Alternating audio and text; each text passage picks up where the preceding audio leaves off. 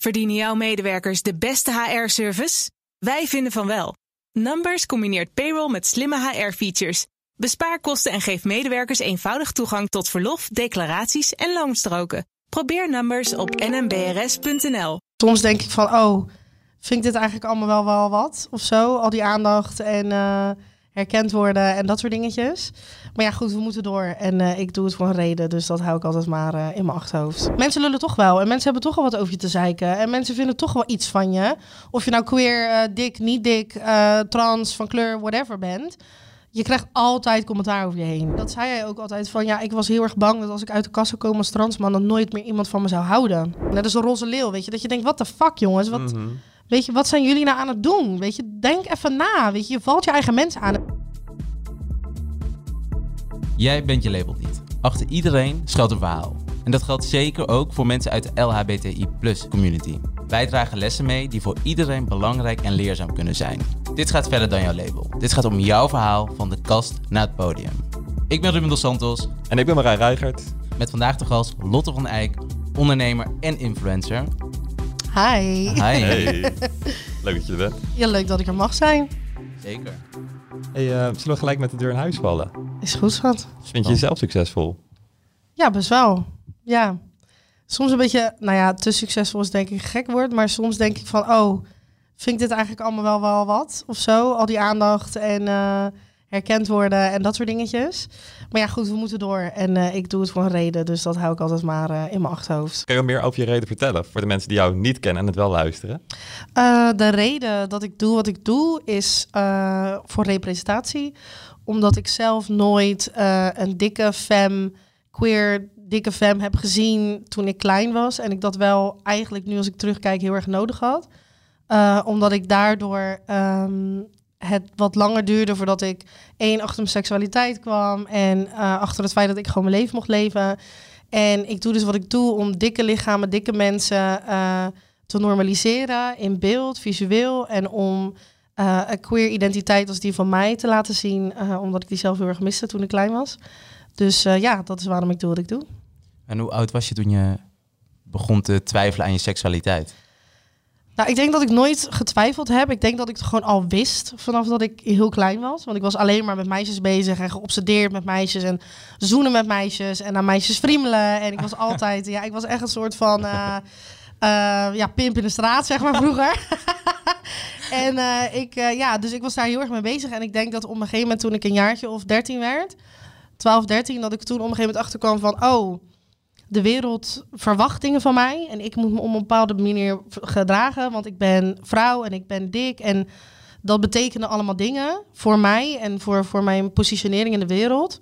En ik denk dat ik toen uh, dat ja, de patriarchy die bij mij insloeg. En dat ik zoiets had van oh, ik, ik ben dik, dus ik ben al niet aantrekkelijk voor mannen, zeg maar, voor de opposite sex. Dus ik moet er alles aan doen om zo feminien en zacht en fijn mogelijk te zijn. Terwijl ik heb een hartstikke grote bek, dus dat, dat ging natuurlijk al helemaal niet. Maar dat probeerde ik wel. Dus ik denk vanaf die leeftijd dat ik toen het meer onderdrukte dat ik queer was. In plaats van dat ik um, ja, erachter kwam of het wist. Want dat wist ik eigenlijk al vanaf kleins af aan. En, hoe, en hoe uitte zich dat, zeg maar, jouw onderdrukking? Hoe, hoe ging je daarmee om? Nou, door iedere dag aan mijn moeder te vragen, zie ik er lesbisch uit? Als ik dan een bepaalde outfit aan had, ja, echt heel sneu. Ja. Maar ik had ook kort zwart haar. Dus dan denk je ook, meid, lesbischer kan het niet wie hou jij voor de gek? Dus zeg maar, mijn fysiek en hoe ik eruit zag, dat manifesteerde heel erg dat, die queerness. Mhm. Maar van binnen dacht ik van, oh nee hoor, dat ben ik niet. Ik ben 100% hetero. no, you're not. Dus als ik nu ook terugkijk op foto's, dan denk ik, you little die. Uh, was dat duidelijk. Ja, yeah, you little stud. Like, you were there. En, -huh. ja, en nu ik ouder ben, denk ik van, oh mijn god, had ik er maar gewoon van genoten op die leeftijd. Because I could have had some pussy. Dat is niet. en het kwam pas wat later. ja, ja, ja. maar het klinkt wel alsof je altijd eigenlijk best wel zelfverzekerd bent geweest. Want misschien had je wel je onzekerheden, maar je durfde er toch zo bij te lopen. Terwijl het eigenlijk niet de heteronormatieve wereld was om er met uh, kort zwart haar bij ja, te lopen. Ja, dat is wel zo. Ja, ik heb altijd wel heel sterk mijn eigen mening gehad en ook over hoe ik eruit wilde zien en wat ik wilde, wilde zijn. En ik denk dat het ook voor mij voelde dat ik op een gegeven moment dacht van ja, ik wil, uh, ik wil anders dan de rest, weet je wel. En ik wil niet uh, lang blond haar tot aan mijn reet, omdat dat moet, weet je wel. Dus daarom knipte ik mijn haar af en verfde ik het zwart. Uh, maar allemaal wel heel erg met een onwetendheid over waarom ik bepaalde dingen deed. En nu ik ouder ben, ja, kan ik reflecteren op het feit van, oh, dat deed je daarom en dat deed je daarom. Maar ja, nee, niemand vertelde mij uh, wat ik moest doen en hoe ik het moest doen. Dat is altijd wel zeker geweest, ja. Oh, lekker hoor. Waar komt jouw zelfverzekerdheid vandaan? Jij denkt alleen maar, ik moet niet zweten, ik moet niet zweten. Ja. nou, ik ben gewoon een waterval, jongens. Dus en exposed. Schat, vanmiddag lekker ergens in een watertje springen, komt helemaal goed. Nou, dat ga ik zeker doen. Het, wordt, het wordt 25 graden. Ja, Nou, precies. hou op. Sorry, wat was je vraag ook alweer? Oh ja, dwel mij maar op hoor, want ik ben echt klaar nu. Nee. nou, waar komt jouw zelfverzekerdheid vandaan? Ehm, ja, waar het vandaan komt. Ik denk sowieso dat het een beetje een karaktereigenschap is of je ehm, wat meer out there bent. Sowieso ben ik denk ik wat extraverter. Eh, ik ben ook heel introvert, maar ook wel als ik zeg maar in, in openbare plekken ben of met mensen, dan ben ik wel heel erg extravert. Uh, maar mijn zekerheid, ja, ik denk dat het gewoon komt vanuit op een gegeven moment een plek dat ik dacht van, ja, ik kan wel mijn hele tijd blijven verstoppen en ik kan mijn hele tijd soort van blijven dansen naar het liedje van iemand anders en blijven uh, behoeftes van andere mensen proberen te bevredigen. Maar dit is mijn leven. Dus ik had zoiets van, ja, wat de fuck ben ik aan het doen, weet je wel? En ik moet Mhm. gewoon gaan leven, want daarom ben ik hier, weet je wel? Dus ik denk dat het voor mij heel erg kwam op een gegeven moment uit een hoek van, ja, onzeker zijn is zo zonde van je tijd. En alle calorieën die ik geteld heb en inderdaad de kledingstukken die ik niet gedragen heb, omdat ik dacht, dat ziet er heel queer uit. Of de dingen die ik niet gezegd of gedaan heb, omdat ik dacht, oh nee, ik moet passen in een bepaald plaatje. Mensen lullen toch wel. En mensen hebben toch wel wat over je te zeiken. En mensen vinden toch wel iets van je. Of je nou queer, eh, dik, niet dik, eh, trans, van kleur, whatever bent. Je krijgt altijd commentaar over je heen. Dus beter leef je gewoon je leven en leef je jouw waarheid. Want anders is het gewoon hartstikke zonde van je tijd. En dan kan je beter lekker het stokje leggen, toch? nou, daar heb je helemaal gelijk lekker gezegd. Ja. Maar je zegt ook nou van ehm, dat je gewoon je eigen leven moet leven. Maar met het succes begint het er niet bij te komen dat jij ook wordt geleefd op dit moment. Ja, ja, en dat is wat ik aan het begin zei met dat ik het een beetje overweldigend vind. Omdat, en ik had het daar van de week ook over, je hebt denk ik nu ook een soort van social media BN'ers. In plaats van BN'ers van like tv en dat soort dingen. En toen zei iemand, ja, je bent een social media BN'er. En toen dacht ik van, oh ja, dat is een soort van wat het nu is.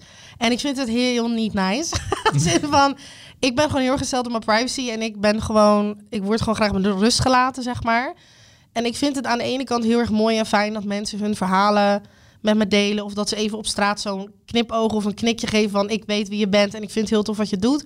Alleen er komt ook een kant hysterie bij kijken. Met vrouwen die gewoon hysterisch op me afrennen. En meiden gillen en ja, dat soort dingen. En dat vind ik wel heel heftig. Zeker als Ja? ik dan op een festival ben of ik ben ergens of ik ben gewoon lekker met Deen weg. En, en ook in de sauna word ik ook herkend, weet je wel. Dus dat zijn wel van die momenten dat je denkt van...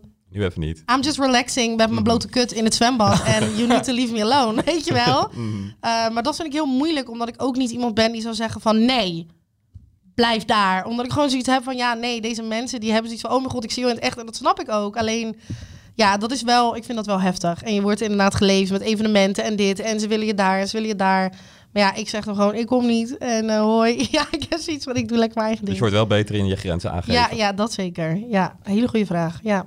Maar is Lotte dan ook een act, zeg maar? Is dat een persona die je opzet naar de buitenwereld? Nee, en- nee, zeker niet. Dat zeggen mensen altijd van, oh, is het dan een typetje? Maar we hebben allemaal verschillende ehm, facetten van onszelf, denk ik. En je hebt bepaalde kanten van jezelf die je op een bepaald moment aandikt, weet je wel? Want soms zeggen mensen ook, oh, wat praat je netjes? Omdat ze denken dat ik de hele dag zo loop te gillen als in die filmpjes. Ja, dat is niet zo. Ik loop zo te gillen als ik enthousiast word, of als ik met mijn vrienden ben, of als ik whatever, weet je wel? Maar als ik iemand op straat tegenkom, ja, ik ga niet tegen jou staan gillen plat Rotterdam, dan gil, ren je gillend weg, weet je wel? Nou, ik weet niet, maar ik hoorde dat wel van de receptie dat je dat deed hoor, beneden. Die meid zal dan zo.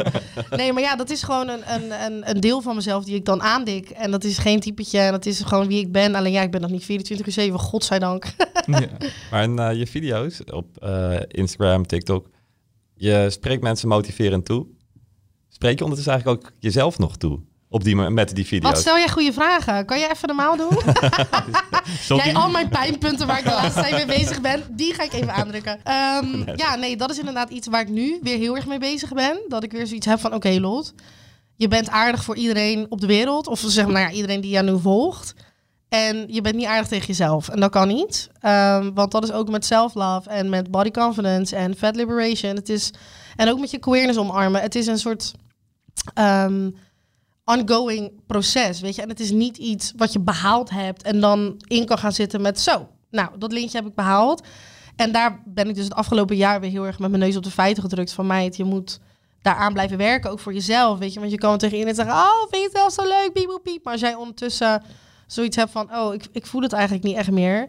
Ja, dat werkt niet, weet je wel. Dus ik ben nu weer mijn eigen glaasje aan het bijvullen en daar weer langzaam aan mee bezig. Want het is inderdaad lastig. Net zoals een kok die voor zijn werk kookt. Ja, thuis heb je geen zin om te koken. Weet je wel? En dat is een beetje nu voor mij ook happening. Ja. Dat ik denk, ja, ik loop iedereen de hele dag lekker toe te juichen en te spreken. Maar ja, tegen jezelf ga je dan lelijke dingen zeggen, weet je wel. Dus ja, ik ben daar wel weer mee bezig. Goeie vraag. Dus eh, ja, I'm working on it. Goed zo. ja, Ja, dat verdien je ook. Dankjewel. Zeker. Thank you. Maar om even terug te gaan naar eh, jouw zelfverzekerdheid. Want dat vinden wij allebei iets heel bijzonders. Eh, hoe jij dat ontwikkeld hebt. Want hoe jij jezelf positioneert, dat is iets wat heel weinig mensen doen. W- wanneer kwam dat omslagpunt? Dat jij op, op een gegeven moment dacht van... nee, ik ben er klaar mee. Ik laat niemand meer over me heen lopen. Ik laat niemand meer iets over me zeggen. Ik ga ervoor. Eh, ja, voor mij begon het eigenlijk bij het moment dat ik dus eh, diet culture ging loslaten. Want dat is gewoon iets wat mij echt in zijn klauwen had, zeg maar. Voor mij is dat een soort van de grote demon van mijn jeugd. Ehm, en diet culture is dus dat je heel de tijd maar bezig bent om dunner te worden eh, door middel van dieet en trainen en nou ja, dat soort dingen. Ehm, en ik liet dat eigenlijk los toen mijn oma dus kwam te overlijden toen ik 15 was. En zij was ook een dikke vrouw. En dus voor ons was het heel erg, wij gingen die kilo's, we gingen die strijd tegen die kilo's samen aan. En we waren alleen maar aan het afvallen. En weet je wel, kijken van, oh, pas ik deze broek al niet meer? Weet je, en we waren daar echt constant mee bezig. Want mijn moeder, die is altijd dun geweest, dus daar kon ik dat niet mee delen. Eh, dus mijn oma was echt mijn rots in de branding en mijn voorbeeld. En zo van, weet je, ik kon aan haar zien, oké, hoe positioneer je jezelf als dikke vrouw in de wereld? En hoe gaat dat eraan toe? En zij nam mij ook heel erg onder haar vleugel. Dus voor mij was zij, ja, mijn grote voorbeeld, weet je. Met haar was ik gewoon altijd, ik was echt het besties met haar. Ja. En eh, toen zij 65 werd, toen werden er dus longembolieën geconstateerd in haar longen. Nou, die vrouw heeft nooit een sigaret opgestoken in het leven. Altijd gedieet, nooit gesnoept, altijd gesport, nooit gedronken, weet je wel, dat soort dingen. Nou, longembolieën. En toen eh moest ze terug naar het ziekenhuis. En toen was het van, joh, mevrouw, dit, is geen, dit zijn geen embolieën, dit is kanker. Het zit ook in je darmen, het zit ook in je maag, het zit gewoon overal. En toen was ze 65. En eh, nou ja, toen viel ze heel veel af door de morfine die ze natuurlijk binnenkreeg, maar ook door de kanker. En je eet op een gegeven moment niks meer. En ze had een heel kort sterfbed van een maand maar. En aan het eind zei ze van, ehm, was ze dus zo heel veel afgevallen. En zei ze, nou, gelukkig ben ik toch nog dun geworden. Och. En toen dacht ik echt, meid, what the fuck? Als in, dit is jouw sterfbed, jij gaat dood, hè? En letterlijk, hetgene waar jij als laatste alleen nog maar aan kan denken is... gelukkig ben ik toch nog dun geworden. In plaats van dat je zegt, jezus, wat heb ik een fijn leven gehad. En ik heb mijn blote tiet op de tafel gedanst wanneer ik daar zin in had. Ja, en Ja. ik heb genoten van de mensen om me heen en van de liefde en van de zon. En van, nee, het laatste wat ze zei, gelukkig ben ik toch nog dun geworden. Wijf, je gaat je kist in. Ja. Lekker boeiend. Dan, dan timmer ik er nog zes planken bij als het niet gepast had. Ja, maar zeg maar van, what the fuck, weet je wel. En toen dacht ik echt als 15-jarige meid van... Ja, wat ben ik aan het doen? Ik wil dit niet. Dit, ik wil niet dat dit mijn toekomst is. Ik wil geleefd hebben en op mijn manier. En niet zoals mijn oma de hele leven lijnen, de hele leven proberen af te vallen. Niet dun worden, kanker krijgen, dan wel dun worden en dan zeggen... Oh, gelukkig is het toch nog gelukt. Ja. Girl, no. En Nee. toen dacht ik van, dit, nee, nee, nee, nee, nee. En ik dacht, dit ga ik niet doen. En ik dacht, iedereen die ik onderweg met me mee kan slepen naar, zeg maar, het droombeeld dat ik voor me heb als leven, dat, dat, dat ga ik doen. En toen dacht ik gewoon van, dat wordt mijn levensmissie of zo. Ja, Wat mooi. Dat je toch Ja. wel uit een heel verdrietig moment... ja eigenlijk- heel. Het voelt ook als een soort opoffering soms of zo. Van, alsof mijn oma een soort van sacrifice maakte voor mijn leven. Van, jij moet dit niet doen, weet je wel. Ehm, dus ja, zo neem ik het ook maar. En zo leef ik nu. En hoe is jouw moeder daarin gegroeid, zeg maar? Omdat ze dus eerst wel echt bezig was met jou af te laten vallen. Mhm. Hoe, hoe is het toen dan op een gegeven moment toch eh, akkoord? Of ja, heeft het gewoon laten gaan? Ja, door te luisteren naar mij. En door te luisteren naar mijn behoeftes. En op een gegeven moment word je natuurlijk gewoon ouder. En ehm, ja, gaan je ouders zich niet meer zo bemoeien met je eten als dat ze natuurlijk vroeger deden. Want je wordt gewoon, je je verdient je eigen geld, weet je, je gaat naar school en nou ja, dat soort dingen. Eh, en mijn ouders zich gingen scheiden toen ik 19 was. En ik denk dat toen pas, toen zeg maar, eh, want ik denk ook dat het heel anders had gelopen als mijn ouders nog bij elkaar hadden geweest, denk ik. Ook voor mij toen in die ontplooiingsfase, zeg maar. Maar al vanaf de dood van mijn oma, ja, weet je, ligt een familie overhoop, zijn mensen met andere dingen bezig dan, weet je, mijn mij laten afvallen was niet meer het belangrijkste na de dood van mijn oma, zeg maar. Waardoor ik ook de vrijheid had om zelf te ontdekken, oké, maar wat wil ik eten? Hoe wil ik eten? Wanneer wil ik eten? En ik denk, toen ik op de Willem de Koning zat, dus dat, toen was ik ja, inderdaad rond de 19. Eh, toen ging ik pas echt loslaten van, weet je, ik, want ik had wel nog een soort van sluimerdieet, zo van mijn 15e tot aan mijn 20ste, laat ik het zo zeggen. Maar dat je denkt, ja, maar even opletten. Ja, maar Ja. opletten op eten is ook alsnog diëten. Ehm, dus echt pas op mijn twintigste, toen waren dus mijn ouders uit elkaar. Ja, en dan word je gewoon, nou ja, dat is een ander verhaal. Ehm, en toen kon ik echt focussen op, ja, hoe wil ik dit eigenlijk zelf doen? En hoe ga ik intuïtief eten? En hoe ga ik mijn eetstoornis loslaten? Dat soort dingetjes. Dus ehm, ja, zo eigenlijk. En ik merk, we zitten nu eigenlijk al een tijdje over gewicht, over dik zijn te praten. Word je wel eens moe van om daar elke keer over te moeten praten? Nee, want dat is mijn niche. En ik heb zoiets van, weet je, ik, ik wil gewoon dat mensen respect krijgen voor dikke mensen. En weet je, ik heb namelijk de laatste twee weken op social media best wel heftige weken gehad qua haat, eh, hate filmpjes en dat soort dingen. Want ik had bij Nadia in de aflevering gezeten. Mhm. Ik, ehm er was iets op, op Groningen, Spotten Groningen of zo, kan een klus in Groningen. En daar had ik toen ook iets gezegd op camera. Nou, en dat is allemaal op van die roddelpraat en dingen gekomen. Nou ja, en dan krijg je natuurlijk hele armies aan mensen die je gaan appen met... Oh, en je hoort dood te zijn en vreet je eigen maar dood. En ik kan niet wachten om te dansen op je grafkist. Dat ik denk, je kent mij niet, hè? Als in, hè, ik heb nog nooit in mijn leven tijd gehad ook. En tijd genomen, of er überhaupt aan gedacht om iemand zo'n comment te sturen. Want dan denk ik, dan heb je toch niks te doen? Dan heb je toch geen leven? Mhm. Maar ja, goed. Ehm, dus nee, ik vind het helemaal niet erg om het over te praten. Want ik wil gewoon dat het uitgelegd wordt en dat er representatie over is. En dat er misschien nu ouders hier naar zitten te luisteren die ook een dik kind hebben. En denken van, oh ja, misschien is dit inderdaad niet het slimste om te doen. En moet ik gewoon met hun gaan praten over wat hun fijn vinden. En als je je kinderen wil laten sporten, laat ze een sport doen die hun leuk vinden. Weet je, we houden ze van tennissen. Ga lekker, laat ze tennissen. Weet je wel, we willen ze dansen, laat ze dansen. Weet je, maar ga ze niet fucking twee uur op zo'n crosstrainer laten staan of whatever. Want dat weet je, zoiets. Dus nee, het is allemaal representatie. Dus ik vind het niet erg om over te praten. Gelukkig. Ja, Want onder andere daarom ben je denk ik ook je kledinglijn begonnen. zeker. Kun je daar wat meer over vertellen? Ja, ik ben eh Lovai, House of Lovai ben ik dus begonnen omdat ik als dikke vrouw ook eh, de discriminatie die je niet alleen in de zorg meemaakt, maar ook in de fashion-industrie. Dus ik kan hier niet even de stad in rennen en een jurkje halen, want dat is er gewoon niet in mijn maat. Ehm, en gewoon de lack of, zeg maar, als je ook bij ASOS bijvoorbeeld gaat shoppen en je kijkt bij de regular afdeling, nou dan heb je misschien duizend roze jurkjes. En als je dan bij de plus afdeling kijkt, dan heb je drie roze jurkjes. En dan denk je ook van ja, dat, waarom kan, heb ik niet dezelfde keuze als de kleine maten, zeg maar. En eh, toen dacht ik, ja, dat, dat, dat kan ik beter. En eigenlijk sinds kind af aan al, omdat ik toen al te maken had met... oh, ik kon niet bij de Coolcat shoppen, ik moest bij de CNA shoppen... maar dat waren allemaal saaie dingen. En bij de Coolcat was het glitter en regenbogen en beautiful... En eh, toen als kind dacht ik al van oké, ik ga modeontwerper worden. En dan ga ik allemaal kleding maken voor dikke kinderen. En dan ga ik allemaal, ga ik allemaal hele leuke dingen maken. Want dat wil ik zelf ook heel graag. En eh, nou ja, op een gegeven moment, mijn oma ging me naja leren. Ik heb ADHD, dus dat was binnen, binnen twee eh, steekjes had ik zoiets van... Ja, nee, saai, laat maar. En nu eigenlijk, tijdens de coronaperiode, dacht ik van... Ja, ik wil dat eigenlijk nog steeds. Ik wil nog steeds een eigen label. En waarom ga ik het niet gewoon doen? Dus toen ehm, nou ja, ben ik eigenlijk alles gaan verzamelen en, en gaan uitzoeken hoe, wat, wat nodig, waar, eh, geld, weet je wat, dat soort dingen ook. En nu eh, heb ik dus al bijna twee jaar mijn eigen label. Maar het is ook gewoon echt een heel uniek concept in Nederland. Ja, ja, ja, Over dat de denk wereld ik wel. eigenlijk ook. Ja, ja, misschien wel. Ja, I guess. En jij doet het. Ja, Maar met het ondernemen, wat vond je tot nu toe het lastigste daarin? alles. Ja, Ja? ik vind ondernemen is echt, ehm, zeg maar, I love it. Want ik haat bazen en niemand moet mij vertellen wat ik doe, want dat gaat echt niet goed.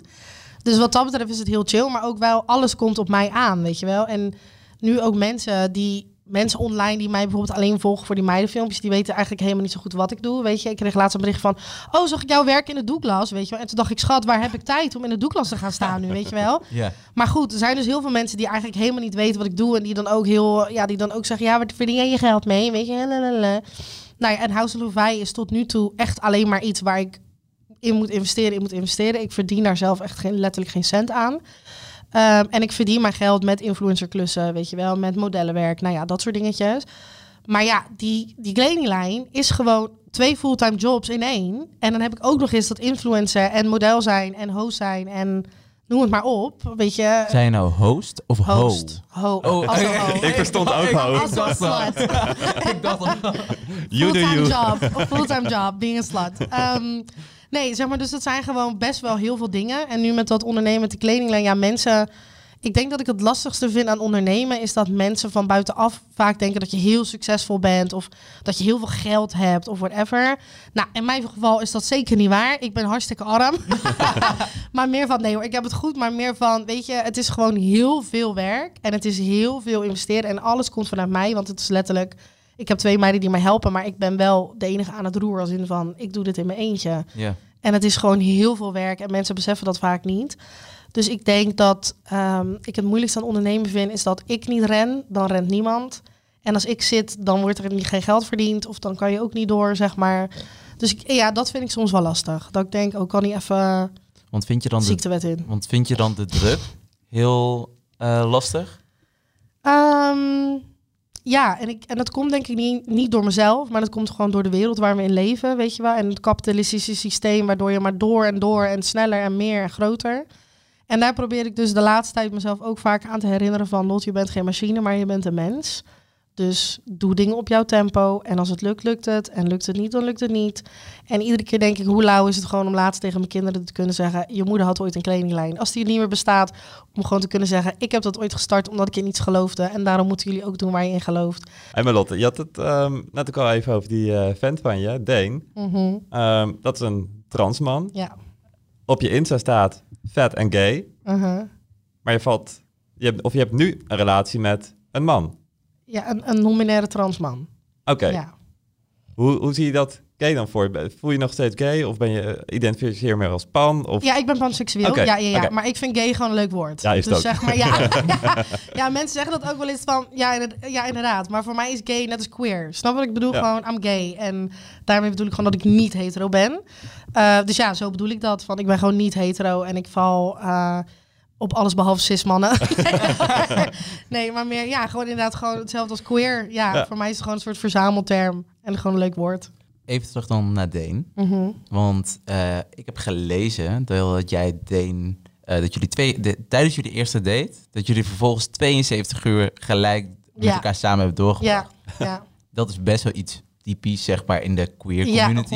100%. We wonen meteen samen Ja. Oh, echt waar? Nee, gaat nee. snel? Tien maanden later, tien maanden later. Ook best wel snel. Oh, maar- dat is best wel snel Ja. hoor.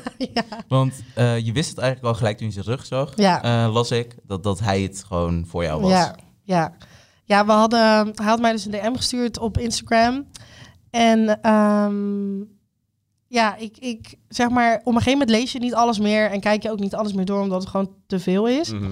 En iets aan zijn comments sprong er gewoon uit of zo. Ik weet niet, hij was een beetje, net zoals mij, alles in caps locks, weet je wel. En gewoon heel intens. En ja, dat, dat valt gewoon op en zo ben ik zelf ook.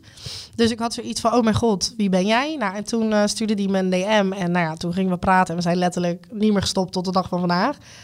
En eh, toen was het van, ja, zullen we wat drinken? En toen zei hij van, eh, maar ja, hij was toen nog niet uit de kast als transman, wel naar sommige mensen. Maar hij was dus, het was helemaal pre-everything, zeg maar. Mhm.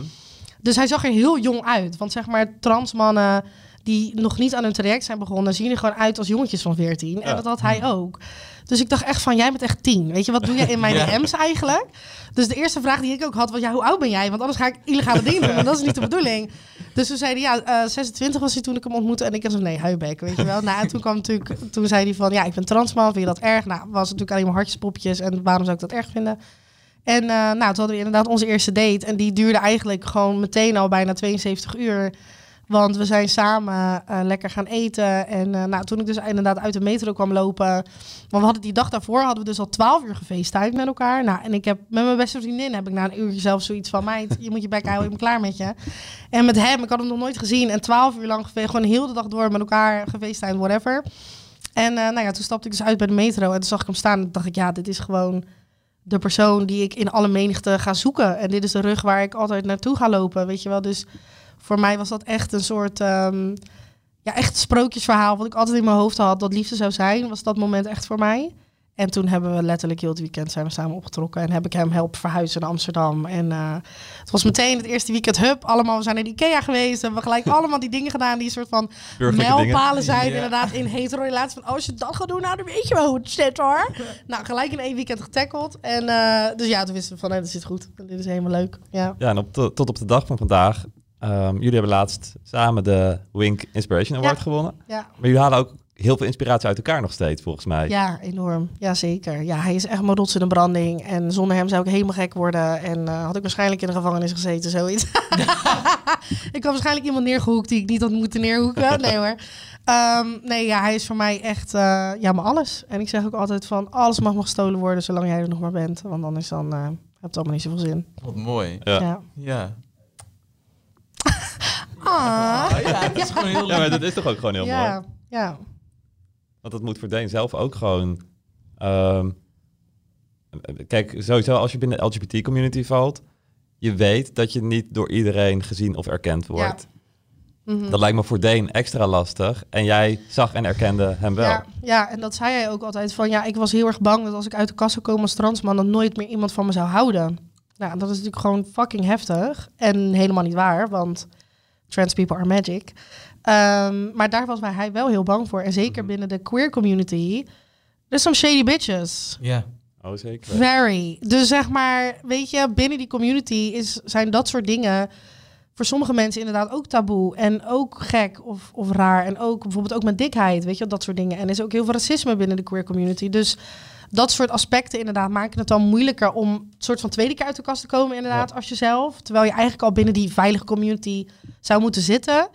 Uh, dus ja, dat vond hij heel lastig. En nu, ja, dit is de mooiste liefde die hij ooit in zijn leven heeft meegemaakt, zegt hij altijd ook zelf. Dus ja, dan zie je dat het juist alleen maar loont als je gaat leven zoals jezelf. Ja, Nou, precies. ja, dan kom je iemand tegen zoals jij. exactly. en ik had een nummer stuk gehad. Dan is het leven compleet. Dan heb je de jackpot. Dan heb je de jackpot. Ja, maar je zei net wel iets, eh, wat, wat Deen ook zei, zei dat hij gewoon eh, bang was dat, dat bijvoorbeeld niemand meer van hem zou houden. Ehm, maar het zegt wel iets over ook de LGBT-community in het geheel, want er komen veel meer mentale problemen, depressies in Ja. voort, ehm, zelfmoorden ook. Ehm, heb jij ook wel eens dat soort angsten en eh, ja, mentale problemen gehad als gevolg van je identiteit? Dat vind ik een goede vraag. Nou, ik, ik ben dus zo geconsumeerd door die dikheid vroeger, dat, ik, dat voor mij was dat het ergste wat er bestond. Zeg maar echt het allerergste. En ik had geen idee van andere gemarginaliseerde groepen. Ik had geen idee van, ja, wel een soort van de basics, maar niet zeg maar de intensiteit van wat discriminatie op andere vlakken betekent. Dus voor mij heb ik eigenlijk, ja, ik heb natuurlijk wel heel erg gestruggeld met mezelf. En ik denk dat uiteindelijk mijn seksualiteit daar wel ook bij kwam kijken toen ik ouder werd. Dat ik inderdaad met mannen ging daten en dat ik dacht van, ja, what the fuck, weet je wel, ik vind je eigenlijk helemaal niks aan. En dat ik dan naar een vrouw keek en dacht van, ja, ja, ja, lekker. eh, maar dat ik dan dacht van, nee, ik kan er niet verliefd op worden. Weet je, dat soort dingen. Dus ik denk wel dat ik daar uiteindelijk mee gestruggeld heb op die manier. Maar het is denk ik nooit voor mij echt een, ehm, een factor aan de oppervlakte geweest... waardoor ik me kut voelde of zoiets had van, het heeft geen zin, weet je wel. Eh, dus dat was voor mij dat ik pas in begin twintig... dat ik daarmee bezig ging zijn met die queerness... en dat weer een soort van ging oppakken na mijn tiende jaar... Eh, en dat ik weer zoiets had van, oh ja, dit ben ik, weet je wel. Ja, toen ging ik een beetje daten. En eigenlijk op mijn 23e ontmoette ik dus Deen al, drie jaar geleden. En eigenlijk met hem ben ik soort van heel dat ontplooiing van mijn queerness soort van aangegaan. Omdat hij mij heel erg de vrijheid gaf en heel veel dingen leerde over queer zijn en over de community. En weet je, ik dacht vroeger gewoon, nou, als je biseksueel bent, dan moet je 50% op mannen vallen en 50% op vrouwen. Dat is wat ik dacht. Want ik had Mhm. gewoon geen queer people in mijn omgeving. En ik dacht, ja, ik val niet, denk ik, 50% op mannen en 50% op vrouwen. Weet je wel, ik hield mezelf voor dat ik meer op mannen viel dan op vrouwen, zeg Ja. maar. Gewoon 99% vrouwen, 1% Eigenlijk wel, ja. That's the reality of it all. Maar toen de tijd dacht ik, nou, 5% vrouwen en 95 mannen. Grootste bullshit ever. Maar weet je, en dat is ook de misconcepties die je hebt natuurlijk over queer zijn en wat het betekent en wat je mag zijn. En Deen gaf mij gewoon ja, de volledige vrijheid en zei gewoon van, ja, dat is hoe jij het invult, weet je wel. Dus eigenlijk deze laatste drie jaar is mijn queerness echt, ja, heeft, heeft dat, die, dat queer kind in mij de veiligheid gekregen om haarzelf te ontdekken, zeg maar. Hoe kijk jij bijvoorbeeld aan tegen de haat, de groeiende haat, tegen LHBTI'ers op dit moment? Ehm, nou, ik denk altijd met groeiende haat, denk ik van, oh, dat betekent ook dat wij groeiende visibility hebben, natuurlijk. Dus dat gaat een soort van hand in hand, denk ik. En ja, met groeiende haat. ehm, ja, wat doe je er tegen? Weet je, mijn moeder zei vroeger altijd gewoon negeren als iemand je, wat ik vervelend tegen je doet of whatever. Want ze willen al- altijd een reactie uit je. En ik denk bijvoorbeeld bij de voorleesmiddag bij Lantaarn Venster met Mama Queen. Toen uh, nou, zouden er allemaal fascisten en uh, de Roze Leeuw. En uh, die zouden allemaal komen demonstreren met 500 tot 1000 mensen. En bieboe piep. Nou, die stonden uiteindelijk met z'n 30 en wij stonden met meer dan 700 mensen. Hm. Dus toen was het wel weer voor mij zo van, ja, luister, um, wat ga je doen? Weet je, als in van, we're, wij zijn met meer en we zijn luider. En we nemen glitter mee, dus kijk uit.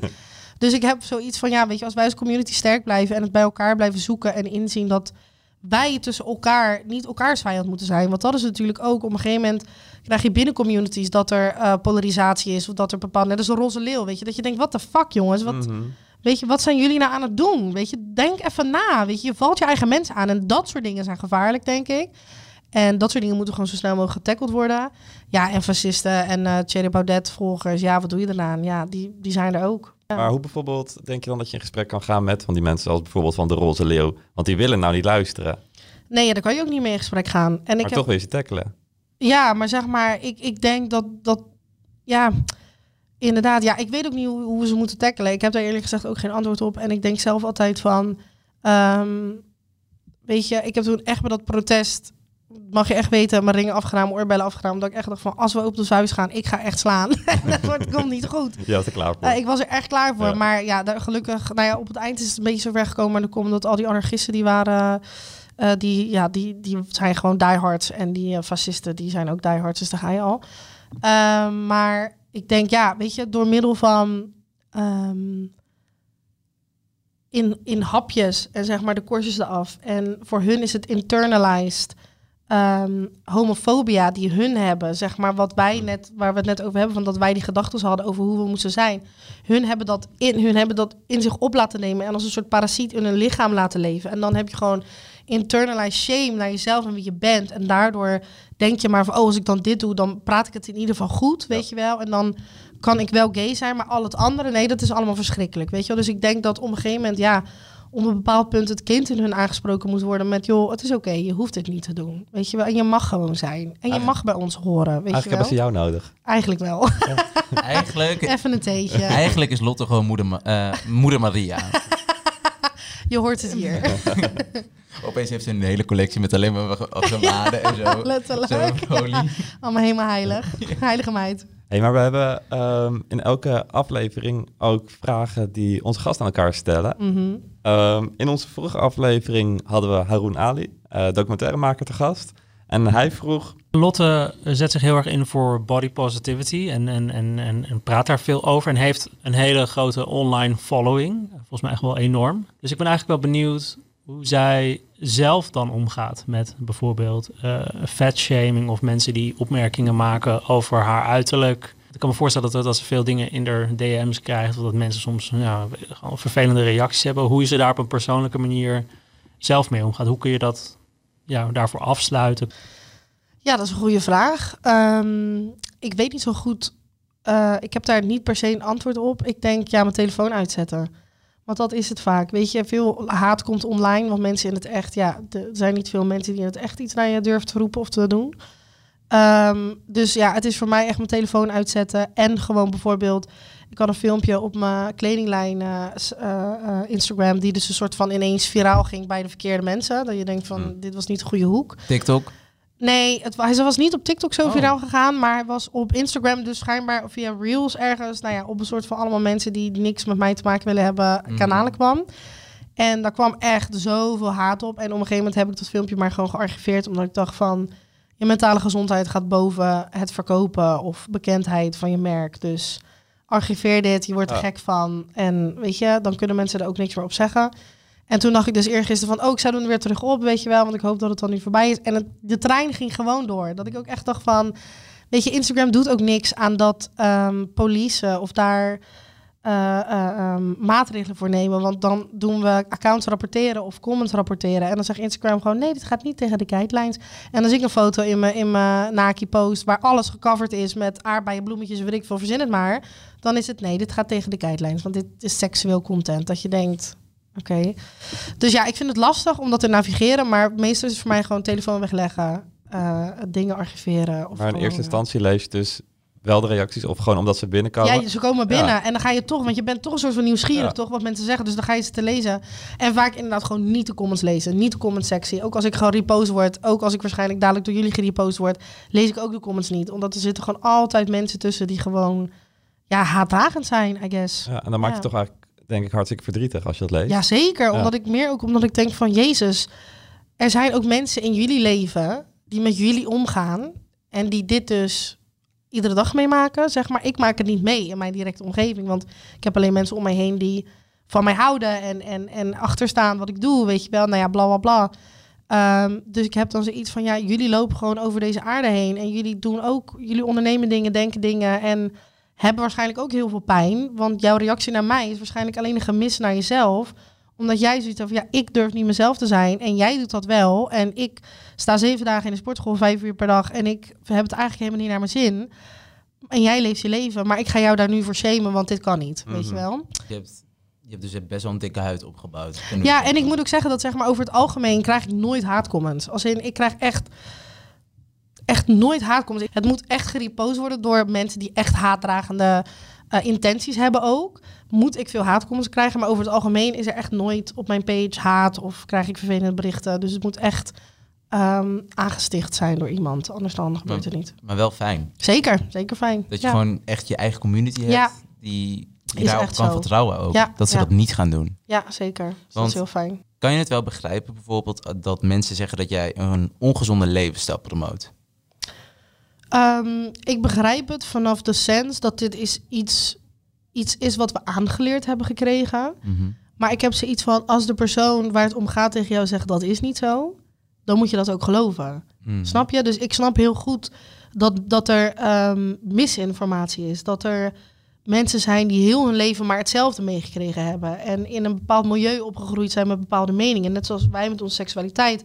Als je het niet weet, dan weet je het gewoon niet. En totdat iemand anders jou iets anders aanleert. Alleen, je moet wel openstaan om dat nieuwe aan te leren en het oude af te leren. En ik denk dat, daar, dat we daar altijd eh, de mist in gaan. Omdat bijvoorbeeld, je doet een onderzoek naar mieren, dan hou je er een mierenexpert bij.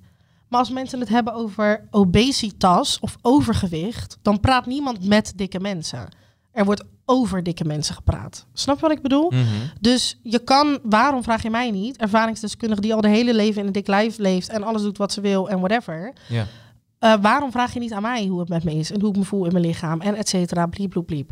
En dan denk ik van, ben je wel eens in, ik zeg ook altijd tegen mensen, ben je wel eens in een ziekenhuis geweest? En dan is het ja. En dan zeg ik, liggen daar alleen maar dikke mensen? Nee. En dan zeg ik nee, want ook dunne mensen zijn ook ziek.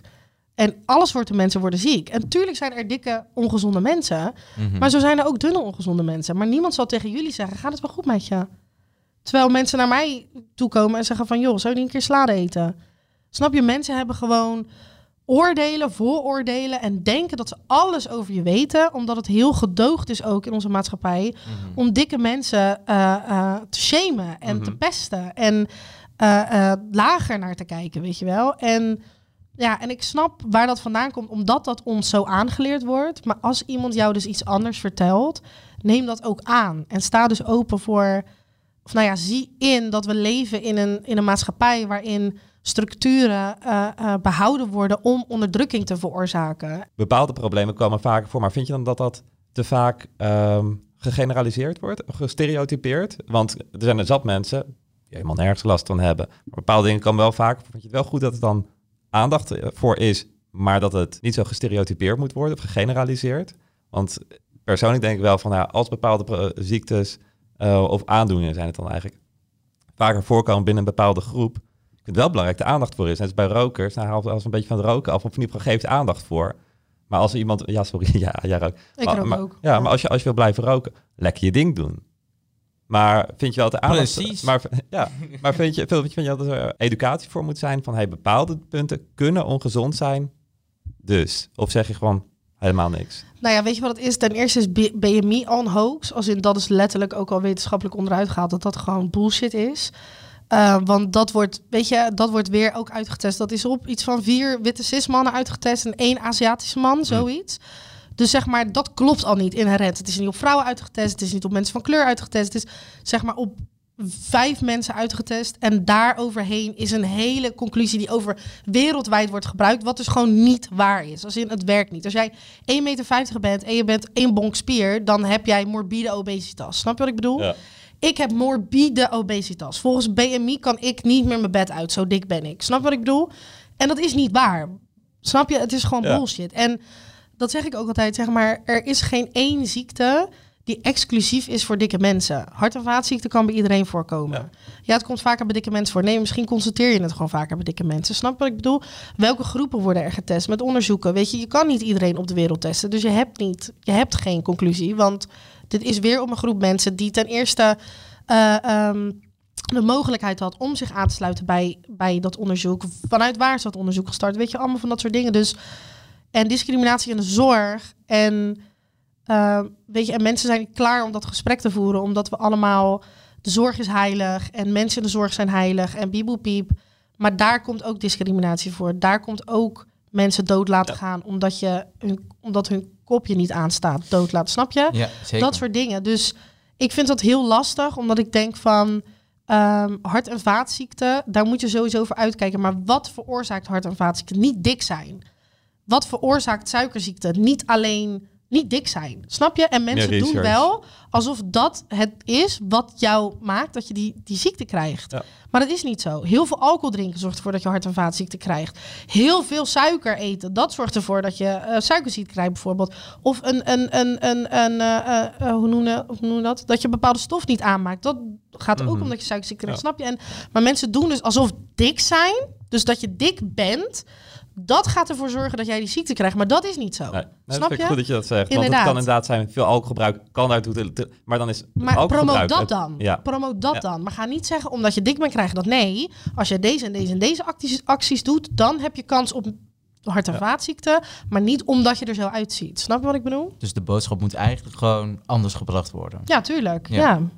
Ik Ja, denk dat, nee, we- ja. dat we langzaam maar zeker eh, kunnen gaan afronden. Afsluiten. Maar eh, jij hebt nog een vraag aan Ramsey, Angela. Dat is onze volgende gast. Mhm. Ramsey is een topatleet. En jij hebt een mooie vraag aan hem. Nou, Ramsey, wat maakt jou nou eigenlijk echt gelukkig? Nou, top. Ja, dat is. Ja. Oh ja, en ik heb nog één dingetje. Het is nu Pride Month. Wat doe jij zelf tijdens Pride? Doe, vier je zelf Pride Month bijvoorbeeld? Of ga je extra vaak naar Pride toe in Rotterdam? Eh, Nou, aanstaande 3 juni is Pride Rotterdam al. En nou, daar ben ik natuurlijk uiteraard aanwezig. En verder, ja, ik, ik, voor mij is het heel het jaar lang Pride. Dus ik eh, doe heel het jaar lang eh, vier ik mijn queerness en die van mij en mijn partner. Dus eh, ik doe niet speciaal meerdere dingen. Maar ik moet wel zeggen, klussen zijn altijd lekker in deze maanden. Dus book me. dus vooral lekker harken. en wat vind je dan bijvoorbeeld van die klussen? Want ik kan me voorstellen dat je misschien ook wel eens samenwerkingen mee te maken krijgt met bedrijven die supporten aan de ene kant. Ja, Ja. wat vind je daarvan? Nou ja, dicht aan. Als het echt een heel groot bedrijf is, dan denk ik, ja, eten rijken. En ik ga gewoon 100% heel veel geld uit jou trekken voor deze klus. En ehm, ja, verder, kijk, als het echt een bedrijf is die gewoon eh queer mensen discrimineert of whatever, ja, dat doe ik natuurlijk echt niet. Maar ja, met sommige bedrijven heb ik ook zoiets met queer people van, schat, get your bag en ga gewoon lekker geld verdienen. En laat ze links hangen en stop dat geld dan uiteindelijk weer terug in de community en in dromen die jij wilt waarmaken, weet je wel. Dus wat dat betreft heb ik zoiets van, nee hoor, ik eet rijken graag eh, helemaal lekker op, helemaal lekker smikkelen. En groot gelijk heb je. Toch? Ja, precies. En zo komen we aan het einde van een boeiende aflevering van Van de Kast naar het Podium. Met vandaag de gast Lotte van Eyck. Lotte, waar zouden zij jou kunnen vinden? Op Instagram sta ik onder Lovai, op TikTok ook. En dat is dus een samenspeling van mijn naam. Dus Lotte van Eyck, L-O-V-A-E-I-J. En de website eh, van mijn kledingmerk is ook www.lovai.com. Dus eh, ja, onder die naam eigenlijk kan je me overal vinden. We zullen het wel even in beeld laten komen Ja, voor degenen die eh, ook kijken. Sommige mensen zeggen, oh, spel ik het? Ja, dus dat is handig. En vergeet niet gelijk te shoppen als je toch bezig Exactly, bent. ja schat. Koop een leuk jurkie. Nou, top. Eh, en vergeet ook ons niet te volgen op Instagram en TikTok. van de kast naar het podium. En dan zien jullie ons volgende week met een nieuwe gast. Namelijk Ramsey Angela, een topsporter. En tot ziens. Doei! Doei!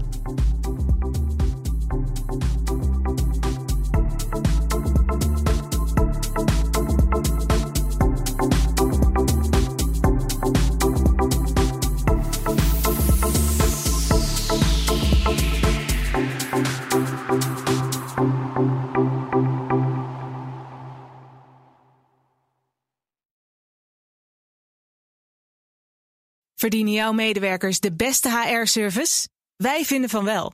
Numbers combineert payroll met slimme HR-features. Bespaar kosten en geef medewerkers eenvoudig toegang tot verlof, declaraties en loonstroken. Probeer Numbers op nmbrs.nl.